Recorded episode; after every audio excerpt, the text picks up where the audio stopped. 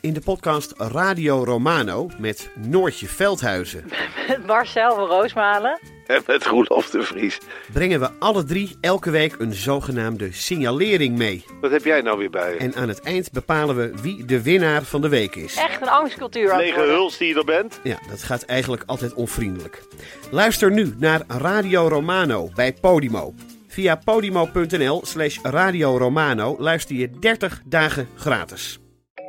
Ik ben Jacqueline en in de podcast Lust praat ik over relaties, intimiteit en alles wat met lust te maken heeft met ervaringsdeskundigen en experts. Of je nu in een relatie zit, single bent of iets daartussenin, Lust is de podcast voor jou. Overal te beluisteren, dus ook in jouw favoriete podcast-app.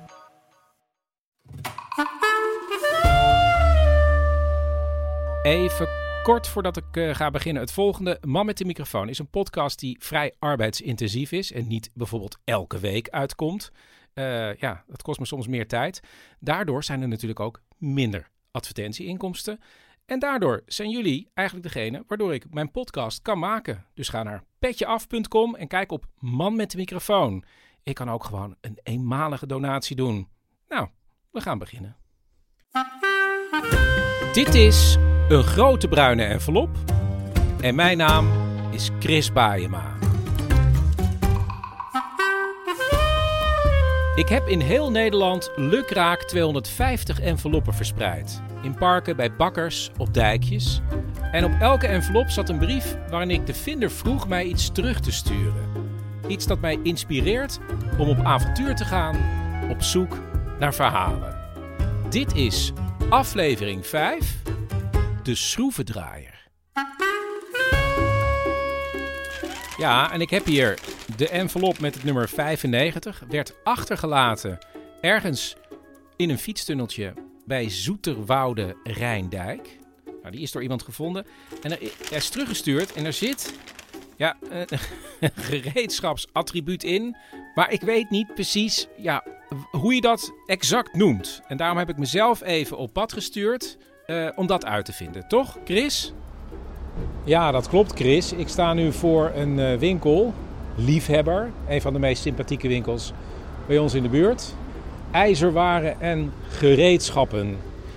En daar weten ze waarschijnlijk hoe je het moet omschrijven. Ja, daar ga ik naar binnen. Deur dicht natuurlijk. En achter de toonbank staat Joop, die hier al volgens mij een halve eeuw werkt. En eh, ja, aan hem dus de vraag. Ja, soms heb je iets, een dingetje, een flupje, dat je niet weet hoe het nou precies heet. Ja. En toen dacht ik, nou, u weet precies hoe dit heet. Hoe, zou u dit, hoe heet dit nou eigenlijk officieel? Dit magnetische bithouder met een los bitje. Magnetische bithouder met een los bitje. Oeh. Eh, wacht, ik wacht even tot. Ik spoel even de tijd door totdat ik eh, zelf weer hier terugkom van eh, liefhebber. Ah, daar ben ik. Chris. Ja. Kom, kom even hier naartoe naar de microfoon. Eh, ja, ik ben er. Ja, ik heb even zitten denken, want deze aflevering kunnen we toch niet magnetische bithouder met een los bitje noemen? Of wel? Oh nee, nee, dat, nee dan luistert er echt helemaal niemand. Ehm, maar het is dus gewoon zo'n ding wat je op een elektrische schroevendraaier zet. Ja. In, in dit geval met een, eh, kruiskopschroef ding. een beetje. Ja, we- weet je, we noemen het gewoon de schroevendraaier. Mee eens? Mee eens. Bumper?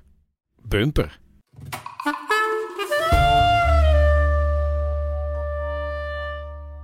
Ik begin met de kruiskopschroef. Want ik kan me herinneren in, in mijn jeugd, ja, ik ben 51, dat is best wel oud.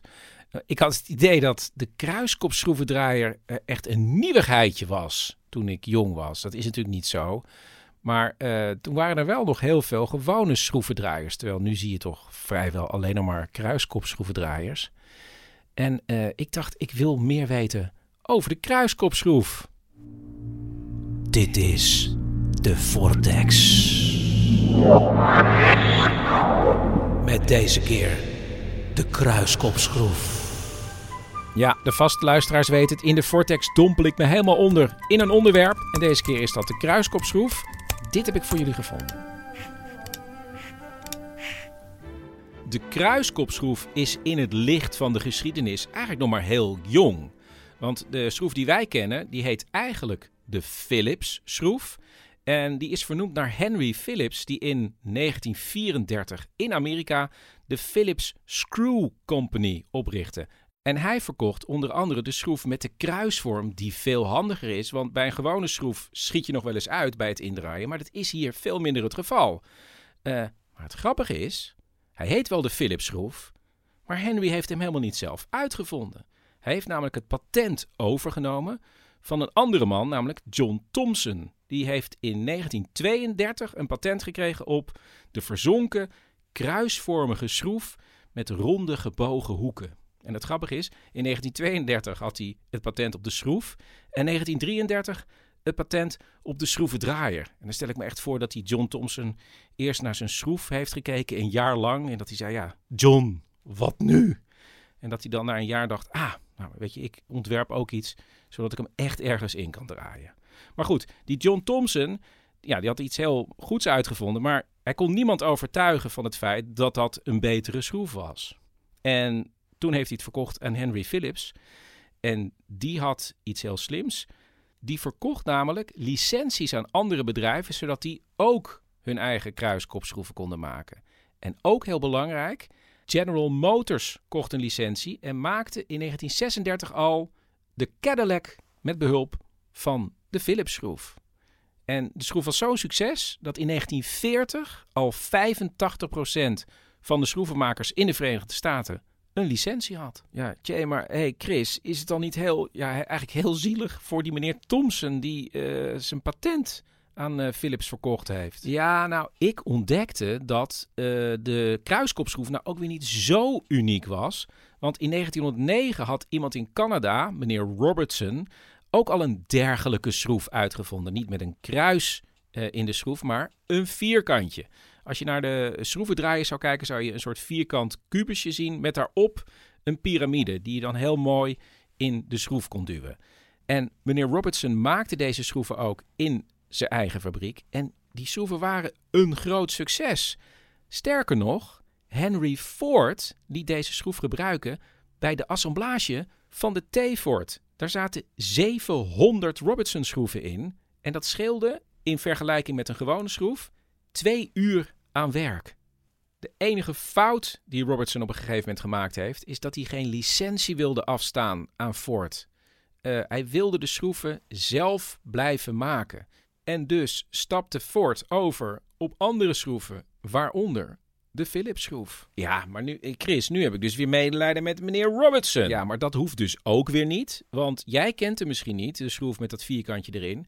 Maar in Canada is het nog steeds een van de meest verkochte schroeven. En er is ook nog steeds een Robertson fabriek. Niet meer in Canada, maar inmiddels in China. En die Robertson schroef wordt bijvoorbeeld gebruikt bij de botenbouw heel vaak. Want er is een verschil. De Philips schroef, daar heb je nog steeds twee handen voor nodig. één bij de schroef en één bij je schroevendraaier. Maar met de Robertson schroef kan je met één hand werken omdat de schroevendraaier en de schroef zo goed in elkaar klikken. En dus schiet de schroef nooit uit je schroevendraaier, wat nog wel is gebeurd bij de Philips schroevendraaier. En dat is bij het maken van houten boten een groot voordeel, want dan beschadig je nooit iets.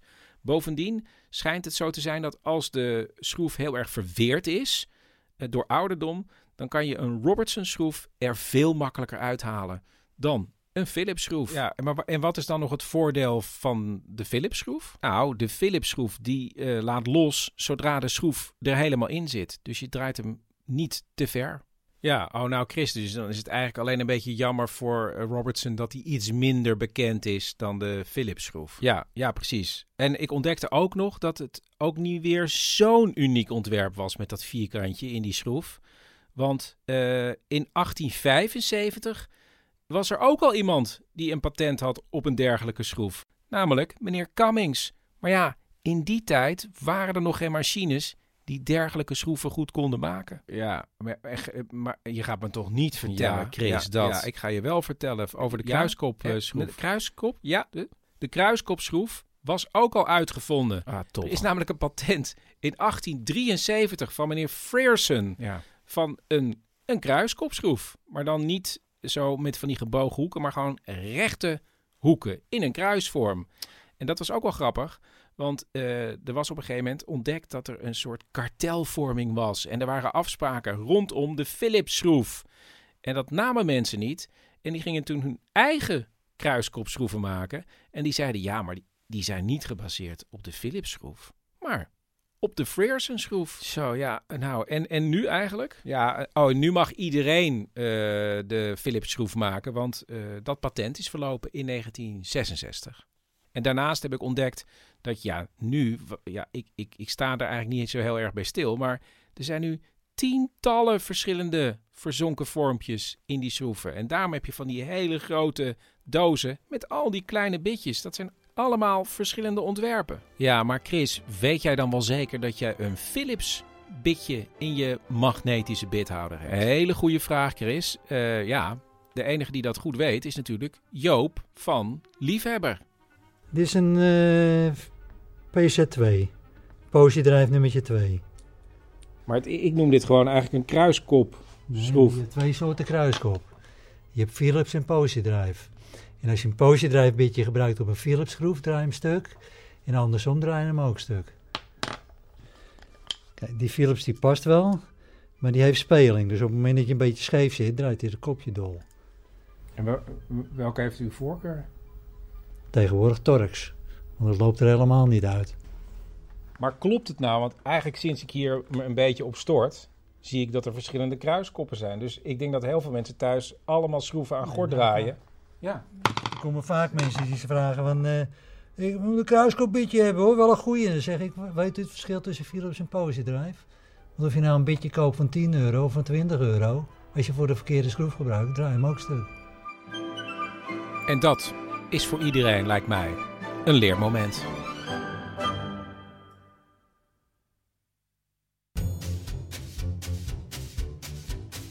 Oké, Bert. Ja. Uh, nou, daar ben je weer. Ja, nou, daar ben ik weer, eindelijk. Eindelijk? Ja, mensen missen mij, de luisteraars. Ik word erop aangesproken, Chris. Nou ja. Laatst nog, de tennisbaan. Ja, maar van, je, je, je, gaat afdwalen nu. Ja? Je, je, mailde dat je een initiatief ik hebt. Ik heb een initiatief. Ja, loopt hij al dan? Ja, hij loopt. Nou, listen. Kijk, nu wij over de 50 zijn, is het tijd om iets terug te doen voor de maatschappij. Is dat zo? Ja, dat is zo, Chris. En dat heet de Tweede Berg. De Tweede Berg? Ja, de Tweede Berg. Kijk, de Eerste Berg, dat ging over ons, hè, over ons succes en over, over onszelf. En, en, uh, en die Tweede Berg, dat... Uh, wacht even, ik pak even een briefje bij. Wacht even. Hier. Um, daar draait het de tweede berg draait niet meer om jezelf, maar om jouw relatie met anderen. Het gaat om een betekenisvol leven. Het lijkt wel een flaptekst, ja, Bert. Het is ook een flaptekst. Het is een flaptekst? Ja, het is van een filosofisch boek, het heet De Tweede Berg. Ja, en wat ga je nu doen dan? Ik ga, nou, ik ga nu uh, gratis ga ik klusjes doen voor ouderen en zwakkeren in de maatschappij. De kansarmen. Want dat zijn nu mijn mensen, Chris. Oh, en vandaar die gereedschapstas. Ja, vandaar die gereedschapstas. Ja. Oh, uh, zijn we nu onderweg naar iemand? Nou ja, we gaan nu naar onze eerste klant. Naar mijn eerste klant. Dat is mevrouw Haasbracht. En die heeft haar man verloren. En voor de tweede keer haar heup gebroken. Ja. En uh, ik vermoed dat ze ook een beetje senil is. Dus je moet een beetje op de achtergrond blijven. Fly on the wall. Chris? Ah ja, nee, dat doe ik, doe ik, doe ik. Heel goed. Hallo? Hallo? Ja, dag mevrouw Haasbracht. Dit is Bert van Schroefje Los. Ja, ik zou langskomen om een plankje in uw keuken op te hangen.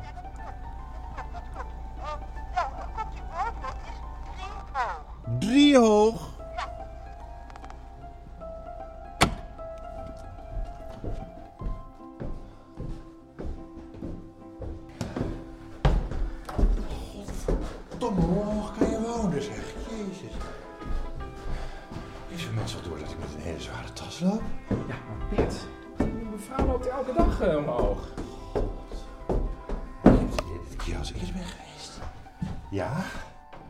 Daar? Ja. Hallo. Dag mevrouw Haasbracht, ik ben Bert van het maatschappelijk initiatief Schroefje Los. Ah. Ja, daar zijn we dan. Hallo. Hallo, hallo. Ik ben uh, Agathe Haasbracht. Agathe, wat leuk. Ja. Nou, eerst maar eens gezellig een kopje koffie, lijkt me. Uh, bent u zijn uh, begeleider? Uh, nou ja, min of meer, ik zorg voor een opname. Oh ja, oh, voor, voor, voor een we gaan lekker in de woonkamer zitten, hè? Ah, oh, wat Als u ook gaat, wat een mooi licht. Ja, dat duurt eventjes, want ik, eh, ik, ik, ik zit natuurlijk te hallesen met die, met die heup, hè. ja.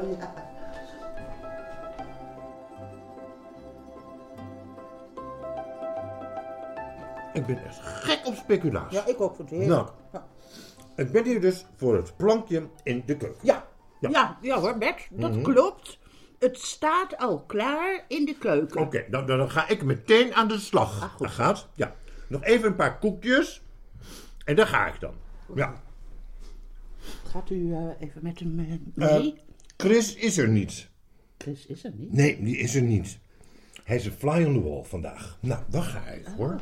Een, fly on the wall. Ja. Ja, oh ja, oh ja. Wat een bijzondere jongen, hè, deze, deze Bert. Weet je, nu ik wat ouder ben, wil ik heel graag wat terug doen voor de maatschappij. En toen, toen hoorde ik over Schroefje Los. Toen dacht ik, dit is eigenlijk mijn kans om de kwetsbaren in de samenleving het gevoel te geven hè, dat zij ook van waarde kunnen zijn. Jezus, wat is dit? Oh ja, Ik heb in mijn, ik heb in mijn pols geschroefd. Ik bloed als rund. Mevrouw Haasbach, er is niets aan de hand. Ik heb even een doekje geleend. Ik ga eventjes eh, nieuwe schroefjes halen in de ijzerwinkel. En dan ben ik weer terug. Ja, Pas op, hè. goed zo Bert. Een beetje dom geweest. Ik ga even met Bert mee. Eh, Wordt die al binnenkort opgenomen? Eh, ja, hij loopt wel, maar ik weet niet of ik dit kan gebruiken. Ja, Dank u wel voor de koffie en de koekjes. Geen dank, geen dank. dankjewel. Ja, Bert, ik moet toch even, ik moet toch even bedanken voor de Waarom koffie kom je nou niet en de meteen? koekjes. Ja, die deur, die deur open. Ja, Laat maar. dank u wel. Laat maar.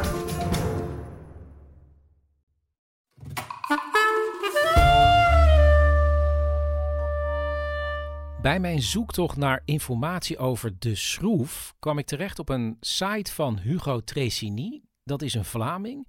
En die had een pagina over de geschiedenis van de schroef. Waarin onder andere stond dat de eh, Egyptenaren al houten schroefvormen gebruikten om eh, olijfolie te persen. En dat de Romeinen de schroef van Archimedes gebruikten om water uit mijnen op te vijzelen. En eh, hij vermeldt ook dat de eerste metalen schroef door een klokkenmaker werd uitgevonden in Duitsland in 1513. En stel je ook voor, op een gegeven moment wil je schroeven produceren met een machine. Wanneer kwam die machine er? Nou, in 1760. En de allereerste schroefsnijmachine kon 10 schroeven per uur maken. En later is dat natuurlijk allemaal gemechaniseerd. En uiteindelijk is de schroef gewoon een massaproduct geworden tijdens de industrialisatie. Op de pagina staat ook nog praktische informatie. Heel belangrijk. eh, gebruik een goed passende schroevendraaier.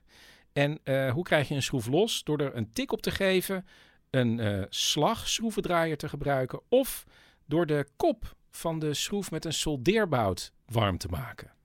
Maar het mooie is dat deze ene pagina over de schroef is er maar één van honderden pagina's die allemaal gaan over informatie waarmee je zelfvoorzienend zou kunnen leven. En dat is heel uitgebreid. Het begint namelijk met levensbehoefte nummer 1, lucht, en dan water. Maar waar kan je eigenlijk water vinden? Nou, dat staat op de site. Om water te vinden ga je in de richting van de wilg en de zwarte els. En ja, je moet ook voedsel vinden. Je kan dingen verbouwen, maar je kan ook op jacht gaan. Nou, dan staat er uitgelegd hoe je een harpoen moet maken of een fuik. Of als je een varken hebt gedood, hoe je het kan slachten. Maar ook hoe overleef je een gevecht met een hond? Of hoe bouw je je eigen huis van hout? En als je dan een huis hebt gemaakt, een trap, hoe maak je die eigenlijk? Nou, die maak je met de klassieke trapformule. Twee keer de optreden is één keer de aantreden. Alles staat op deze site. eh, van hoe je je eigen kleding kan maken tot welke onderwijsvormen je allemaal kan gebruiken om je kinderen te onderwijzen. En al deze informatie van die website, al die honderden pagina's, daar is ook een boek van, van honderden pagina's. Dat heet Toverleven. Nou ja, over deze site en het boek wilde ik natuurlijk meer weten. Wie zit daarachter? Wie is Hugo Tresini? Nou, toen heb ik hem gebeld. Ja, met Hugo. Hallo, je spreekt met Chris Baayema, de man met de microfoon. Ja, goedemiddag. Ja, en ik heb Hugo natuurlijk eerst verteld hoe ik via de schroef bij hem terecht was gekomen. Kopschroef. Toen kwam ik op jouw site terecht, uiteindelijk ook. En Mhm. dat is een wonderlijke site. Mhm. Dus toen, ik vroeg me af van, eh, eh, hoe is die ontstaan eigenlijk? Zou je dat kunnen vertellen? Oh, dat... Ja. Ja, dat is eh, een lang verhaal. Dat ontstaat natuurlijk niet eh, op een paar dagen. En dat ontstaat ook niet eh, rond de schroef. Die schroef, dat is maar een, een. En zo begon hij te vertellen. En binnen no time eh, had hij het bijvoorbeeld over hoe je vanaf scratch je eigen eh, potten zou kunnen bakken. houtoven de temperatuur voldoende hoog krijgen om een pot gebakken te krijgen. Hoe kun je die waterdicht maken? En nadat ik een half uur met Hugo aan de lijn had gezeten en hij vertelde hoe hij in het Vlaamse Limburg eh, zoveel mogelijk zelfvoorzienend probeerde te leven, toen dacht ik, ja, en ik zei het ook gewoon, Hugo, luister. Ja, Volgens mij is het een ontzettend goed idee als ik langskom. Opeens denk ik, ik moet gewoon langskomen. Ik moet het gewoon, ik wil het wel zien. En eh, ja, dat kan altijd. Dan moeten we dat maar eens afspreken. Maar misschien moeten we dan ook bekijken waar het over moet gaan. Want ja, het gaat over jou, Hugo. Het gaat, ik vind het het leukst om het over jou te hebben. En zo belandde ik via de magnetische bithouder met het losse bitje in het Vlaamse Limburg.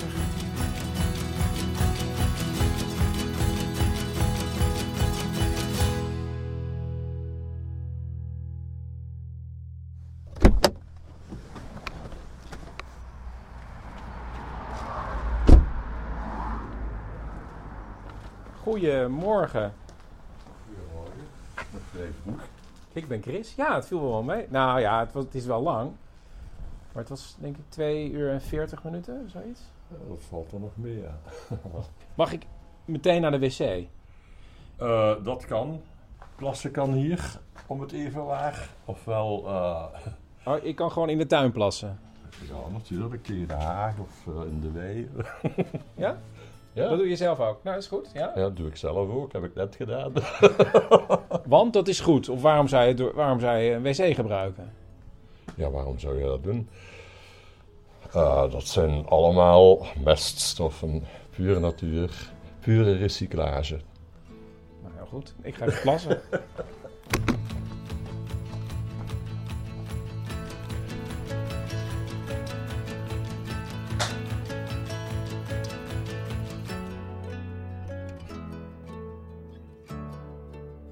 Maar wacht even, want waar, wat voor een huis zijn we nu?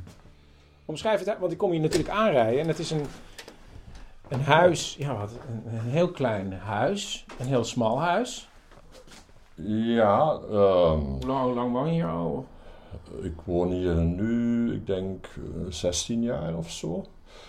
Ehm, het is een, een huis geweest van een kleermaker. Ik denk dat het van net voor de Tweede Wereldoorlog is. Ehm, Maar met ook schuren ernaast, kleine lage schuurtjes. ja, stalletjes, schuurtjes. eh, Lijken wel oude varkensstalletjes, of dat niet? is ook zo. Ja, hier waren varkensstallen, konijnenstallen, geitenstallen. Eh, ja, ik heb dit hier gevonden. Hier was behoorlijk wat grond bij nog. En ik, ik moest wel wat ruimte hebben om eh, in de mate van het mogelijke zelfvoorzienend te leven. En dat zelfvoorzienende leven heeft Hugo eigenlijk van jongs af aan meegekregen. Ik vond het normaal om zo te leven. Eh, mijn vader heeft eh, een tijd in de bouw gewerkt en daarna als mijnwerker in de Limburgse mijnen gewerkt. Eh, maar in, in bijberoep deed hij ook nog allerhande dingen, vooral bomen vellen en snoeien. Dat hebben we heel lang, jarenlang samen gedaan. Ehm, en daarnaast, ja, het was een gezin van, van acht kinderen, eh, samen met de ouders erbij.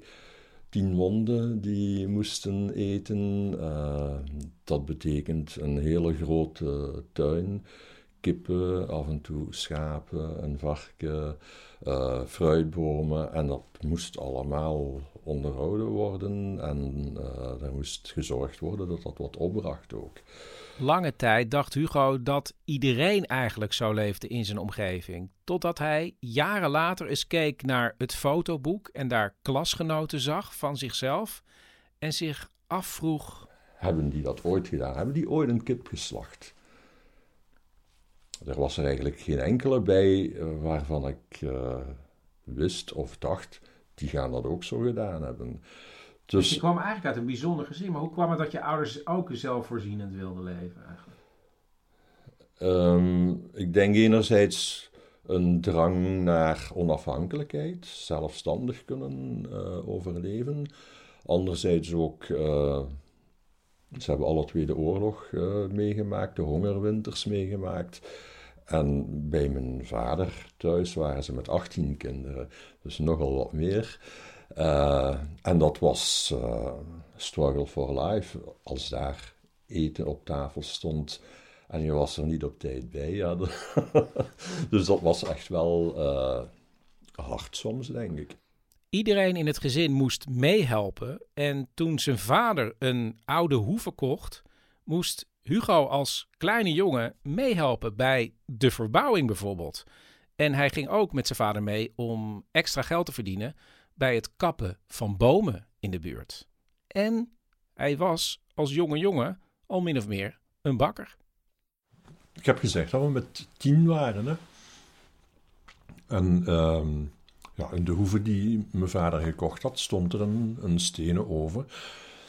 En uh, er waren meer mensen in de straat die dat nog hadden toen. Uh, een van de buurvrouwen heeft ons uh, op weg geholpen om aan iedere oven moet anders aangepakt worden. Je moet een oven kennen om te weten hoe die op de juiste temperatuur kan gebracht worden, hoeveel hout dat erin moet gestookt worden enzovoort. En ze heeft ons op weg geholpen daarmee. En uh, ik heb dus wekelijks in het begin helemaal manueel een houten kuip, daar het deeg in uh, gekneed en dan uh, brood gebakken. Maar hoeveel broden bakte je dan? Iedere week waren dat twaalf broden en dan soms wat meer. Meestal werd er na de broden ook nog wel taart of kleine broodjes uh, in de oven geschoven. Dat was uh, vaste prik op zaterdag. Een veelgebezigde uitspraak in het grote gezin was: Trek uw plan. Doe het zelf, zorg dat het in orde komt.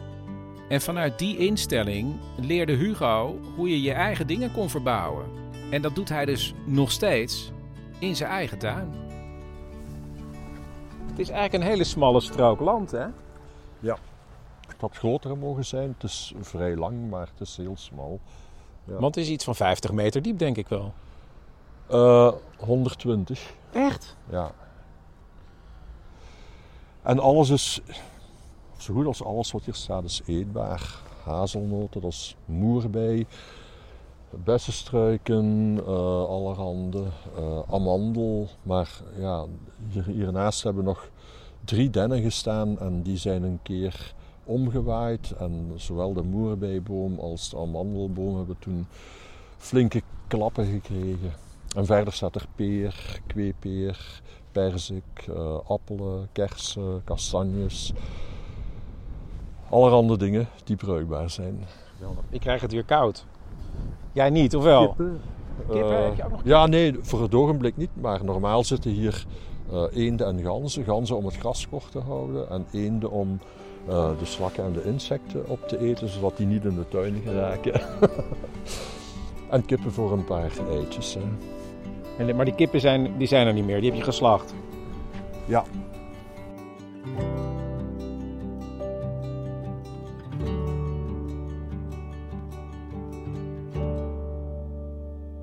waarom ben je die site begonnen? Met wat voor een idee? Precies vanuit het idee dat al dat soort kennis verloren gaat. Uh, mensen zijn nu heel sterk afhankelijk van elektriciteit, uh, stromend water, internet.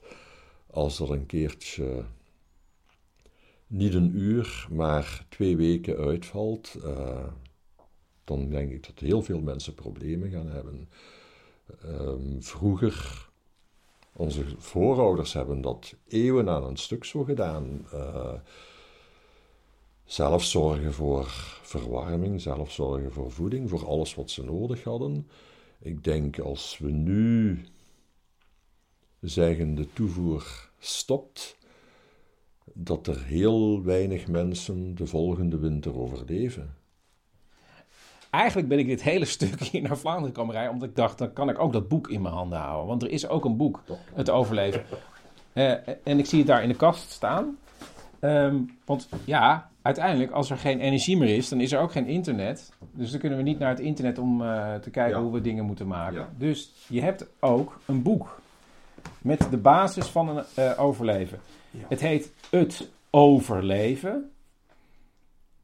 Ik dacht, is het een pun, toverleven, dat met toveren te maken heeft? Of zit ik er dan heel erg uh, naast? Het gaat over het leven, over overleven. Uh, dat betekent een, zeg maar, een crisissituatie, toch? De nodige, heel vaak is het gewoon een kwestie van kennis en inzichten. De nodige kennis hebben om te kunnen overleven. En het heeft heel vaak ook iets magisch, vandaar toverleven. Ja. Maar wanneer is dit boek uitgekomen? Uh, ik denk 2014, dat was het eerste deel van de eerste editie. Uh, toen waren het 1400 bladzijden, nu zitten we aan 1800 bladzijden. Ja, ik zie nu pas, het zijn twee, je legt twee boeken neer, maar het zijn gewoon twee delen. Het is niet eens ja. één boek meer, het zijn twee delen. Ja, ja, toen ook al, ja. Omdat het, ja, ik heb van alle thema's de basics meegegeven, uh, maar niet alles in detail uitgewerkt bedoel, over pottenbakken schrijf ik wel wat, maar ik geef geen cursus pottenbakken uh, of klei bewerken. Maar ik wil wel dat als mensen zelf aan de slag willen en niet meer in de supermarkt terecht kunnen voor wat ze nodig hebben, dat ze met een beetje logisch denken er wel achter kunnen komen en met een aantal testen die, die ze zelf kunnen doen, er wel achter kunnen, kunnen komen wat klei is en wat leem is en wat zand is, wat het verschil is en vanaf welke verhouding klei bruikbaar is om potten van te maken. Ja, maar ik zit even te denken over jou als figuur. Ik ben de globalist die het hele plaatje wil bekijken. Maar ik ben geen kruidenspecialist, ik ben geen specialist in leerlooien, ik ben geen uh, gespecialiseerde smid. Ik kan die dingen allemaal wel, maar ik ga daar geen cursus in geven, maar ik ken wel mensen die dat doen. maar om zo compleet mogelijk zelfvoorzienend te leven, heb je eigenlijk een, een gemeenschap nodig van mensen waarin iedereen zich specialiseert in één van die dingen, of meer van die dingen. En daar zit net zo goed een, een fantastische muzikant bij, bijvoorbeeld. Dat moet er ook bij zijn. Maar je kunt onmogelijk alles volledig uh, beheersen. Voor mij komt het erop aan om die basics te vinden van los van al die apparaten, maar alleen twee handen en gezond verstand en dan toch de oplossingen en de middelen vinden om dingen te realiseren. Maar toch zie je ook dat een muzikant belangrijk is in een gemeenschap. Uh, geweldig belangrijk. Maar staat er ook in hoe je muziekinstrument kan maken dan in je Ja, natuurlijk. Echt? ja. ja, ja. Maar eigenlijk is... Maar dat is ook al eeuwen oud, hè? De ja, maar botjes... overleven... Ja, je zou kunnen denken, ja, eh, op je fluit blazen, eh, hallo, gaan uh, kool rooien. Dat, dat houdt u niet in leven, hè? Maar in een gemeenschap... Uh, vergeet in godsnaam niet te feesten, hè? Kom samen, maak het gezellig, zorg dat er muziek is... Het is niet alleen eten, het is ook het sociale en het mentale dat je gezond moet houden. Hè? Maar eigenlijk, jij hebt, maar zeggen, nu ook dat gemeenschapje, dat, dat, die mensen, die heb je eigenlijk al nu in je omgeving. Nee, uh, tot mijn spijt niet. Ik zou het ideaal vinden om in een ecodorp te wonen met mensen die allemaal gelijkaardige dingen doen en eentje die potten bakt en eentje die dit en dat doet spinnen, noem maar op. heel jammer, maar dat heb ik nog altijd niet. Is dat echt Wel- je droom? Eh, ja, ik ben daar vaak mee bezig geweest. En, eh, Maar dan krijg je ook weer te maken met hard, ja, hardliners, hè? Ik, ik ben Je bent geen hardliner. Ik ben, eh, vind ik, van een no-nonsense principe. Voor mij komt het erop aan te kunnen leven op een aangename manier. En er zijn heel veel groepen die dat soort dingen zoeken, maar als de helft van de groep ehm, constant eh, iets nodig heeft om te roken en wat happy te zijn, sorry, daar doe ik niet aan mee.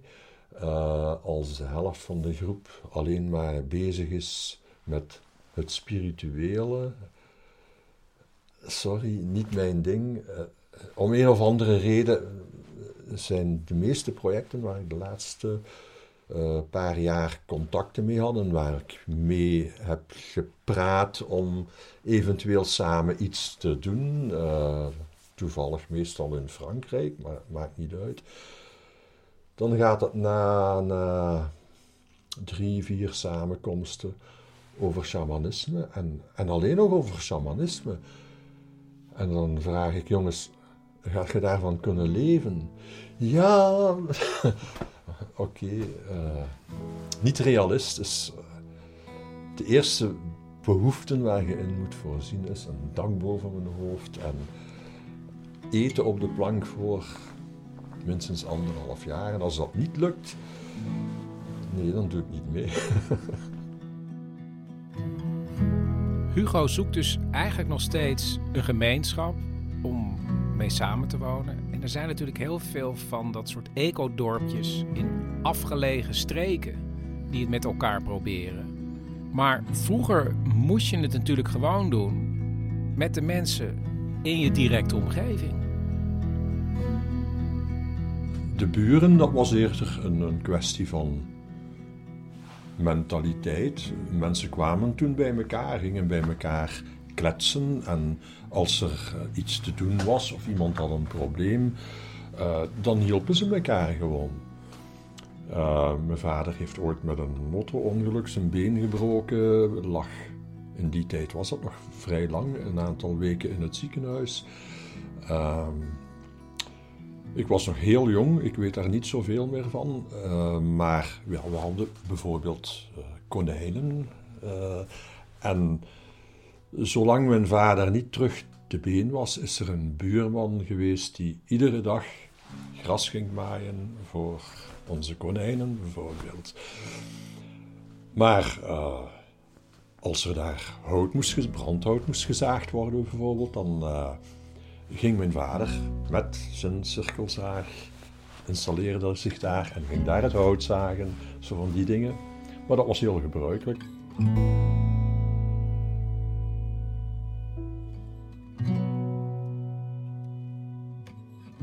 Ik probeer natuurlijk ook de puzzel te kraken. Hè? Door de hele tijd te kijken naar die twee boeken, die twee delen, die dikke delen. En denken van, wat zit er nou eigenlijk voor een idee achter? En volgens mij zoek je ook gewoon de dorpse gemeenschap van vroeger. Ja, dat is het verhaal van de kleine samenleving die zelfvoorzienend kan leven, hè, waar Die mensen had. voor elkaar zorgen. Hè. Maar die had je dus vroeger. Die had je Dat was er vroeger, ja, ja, dat was vroeger wel vanzelfsprekend, ja. Maar is het gewoon niet een hommage aan de gemeenschap waar je in opgegroeid bent? Eh, ik denk dat het een, eh, een stukje daarmee te maken heeft, maar ook vooral eh, het, het terugschalen naar een niveau dat voor mensen bevattelijk is. Ehm, er is. Er is ook onderzoek gedaan, komt ook aan bod in het boek, naar samenstelling van groepen. hoeveel mensen en hoeveel relaties leefbaar zijn. Ehm, Maar je had het, ik, je had het vroeger. ja. Dit Ja. is gewoon, zou ik maar zeggen, dit is de verpakking van wat jullie vroeger hadden met die gemeenschap, volgens mij. Ja, en ook waarvan, dat waarvan ik zeg, dit is leefbaar. Een gemeenschap van een paar honderd mensen kan elkaar ondersteunen en recht houden. Ken je al je buren hier in de omgeving? Nee. Nee, ik ken er een aantal en ik ken uh, vooral de gelijkgezinde mensen die ook met milieu bezig zijn en dat soort dingen. Mis je dat niet? Want vroeger kende Ja. je al je buren. Ja. Is dit niet het belangrijkste punt wat ik nu aansnij? Eh, ja, vandaar ook mijn, mijn hang nog altijd om eh, een gemeenschap te vinden waar ik mezelf veel beter in zou kunnen voelen. Maar waarom voel je je niet goed met de buren dan hier? Als je ze niet eens kent. Ik ken ze wel, jawel. Dat is het probleem niet. Maar ik heb een bepaalde manier van leven. Ja? Eh, aan de andere kant heb ik buren die. eh, zij is raadsvrouw, advocate. Hij heeft een ehm, bedrijf dat eh, metaalbewerking doet. Ze hebben een zwembad met een groot tuinhuis erbij, dus groter dan waar ik woon hier. Eh, een manege, paddock. En dat is helemaal afgeschermd. En dan hiernaast niet, maar net een beetje verder eh, is, heeft er iemand gebouwd. Het eerste wat hij gedaan heeft is ook een scherm gezet. Eh, ja, dat is niet echt de manier waarop je uitnodigt om gezamenlijk dingen te doen. Het kan anders. Maar je moet ook de feeling hebben. En, ik, ik heb dat waarschijnlijk ook van mijn ouders meegekregen. Mijn vader werkte dus. Hij vertrok 's middags en hij kwam rond middernacht was hij terug thuis. Eh, hij werd opgehaald door een busdienst van de campus Steenkoolmijnen. Eh, helemaal vooraan in de straat was er een oud eh, huisje. Daar woonden een broer en een zus samen. Toen al oudere mensen. Ehm, we hadden daar een goed contact mee en zij hadden bijvoorbeeld de afspraak, ze hadden daar klapluiken om voor het raam dicht te doen. Als er iets aan de hand was, dan lieten ze een van de luiken gedeeltelijk open en lieten ze het licht aan. En als mijn vader terugkwam van het werk, s'nachts, dan wist hij dus, er is iets aan de hand, ik moet naar binnen gaan. Telefoon was er praktisch niet, maar dat werkte op die manier wel.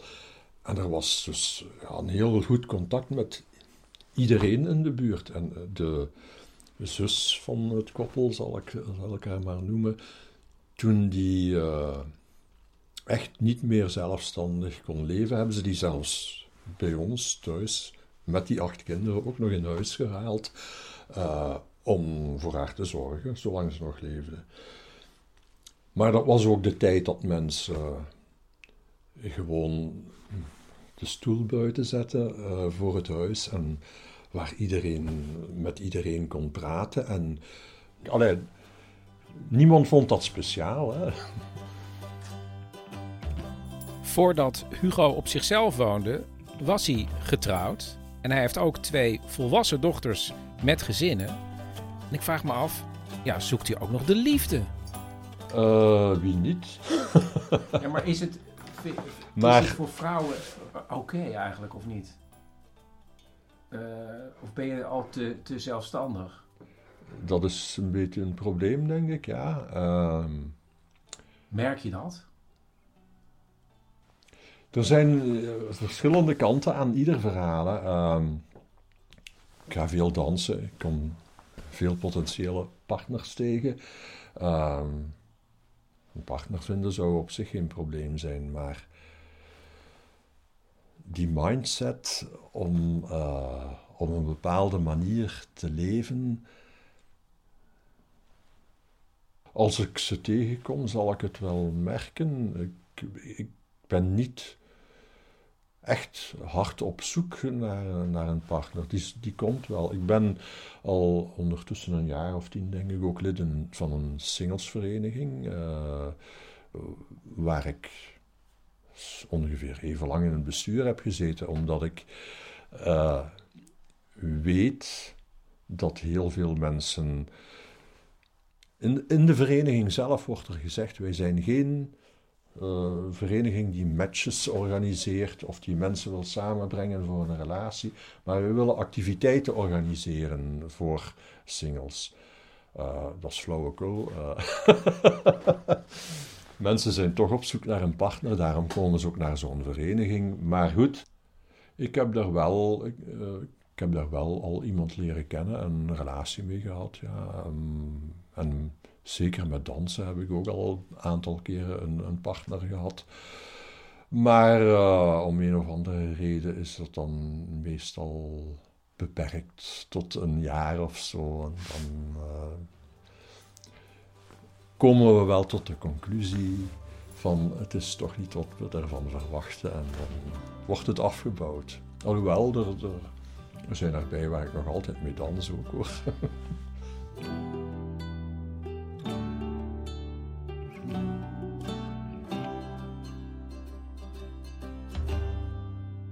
Hoe, uh, hoe, heb jij, hoe heb jij je kinderen vervolgens weer opgevoed?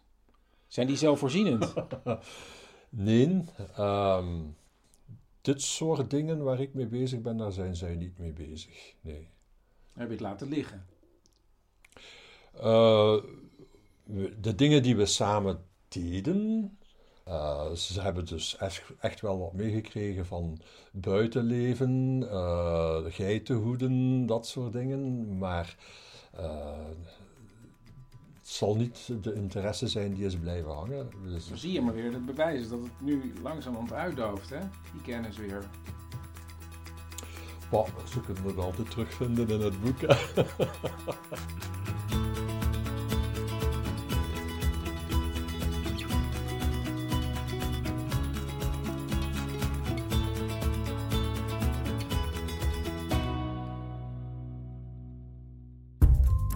Tot zover een grote bruine envelop met de schroevendraaier.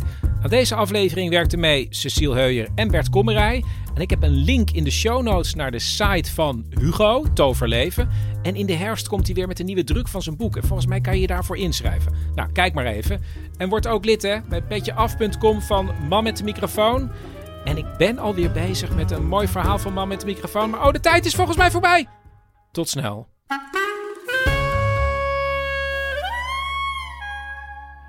Wij uh, maken altijd wandelingen met de hond uh, in ieder geval. En uh, ja, die keer liepen we door de fietstunnel. En toen, hadden we, toen had Davy toevallig net een bitje aan mij gegeven. Hij dacht dat hij van mij was en ik wist dat niet meer. En ja, toen kwam ik de brief tegen en toen dacht ik, kijk, het is wel lollig om de, het bitje gewoon terug te sturen. Ja, het is dat Jeroen die pakt alles op wat los en vast zit op de grond eigenlijk. Als hij een tijriep op de grond ligt, pakt hem op. Dus als hij een envelop ziet, dan pakt hij hem ook. En uh, zo is het eigenlijk gegaan. Maar wacht, ja. pak hem even één keer terug. Dat is heel aardig. Want ik ga meteen aan de slag. Oh, ja. ja. En jij spreekt hem ook van, ik heb het klaargezet. Ja. Dat doe je, maar dat gaat okay. Ja, nog één. Ja. Mm, lekker. Ik ben echt gek op speculatie. Ja, lekker hè? Ja. Ik ook. Vind nou, heerlijk. Ja. Ik ben hier dus voor het plankje in de keuken. Ja, Hè? dat klopt. Nou, en het staat al klaar in de keuken. Ja, dit is wel goed. dit is wel... Tweede bielen. Ja, maar dit is wel precies wat het moet zijn. Ah. Hij moet lachen. Van. Ja, leuk. We gaan tegen elkaar. Ja, maar dat is juist het goede. Uh, Oké, okay, sorry. Daar gaan we. Ja. ja. Lekker, ik ben, ik ben echt gek op speculaas. Ja, ik, ik, vind het heerlijk. Ja, nou, ik, uh, ik ben hier dus. Nog één keer terugpakken, ja? Ja. Ik ben, uh, nou, ik ben echt gek op speculaas. Ja, lekker hè? Nou, heerlijk. heerlijk ja. Nou, ik ben hier dus voor het plankje in de keuken. Hè? Ja, ja, ja, dat klopt helemaal. En het staat al klaar in de keuken. Dan ga ik meteen aan de slag.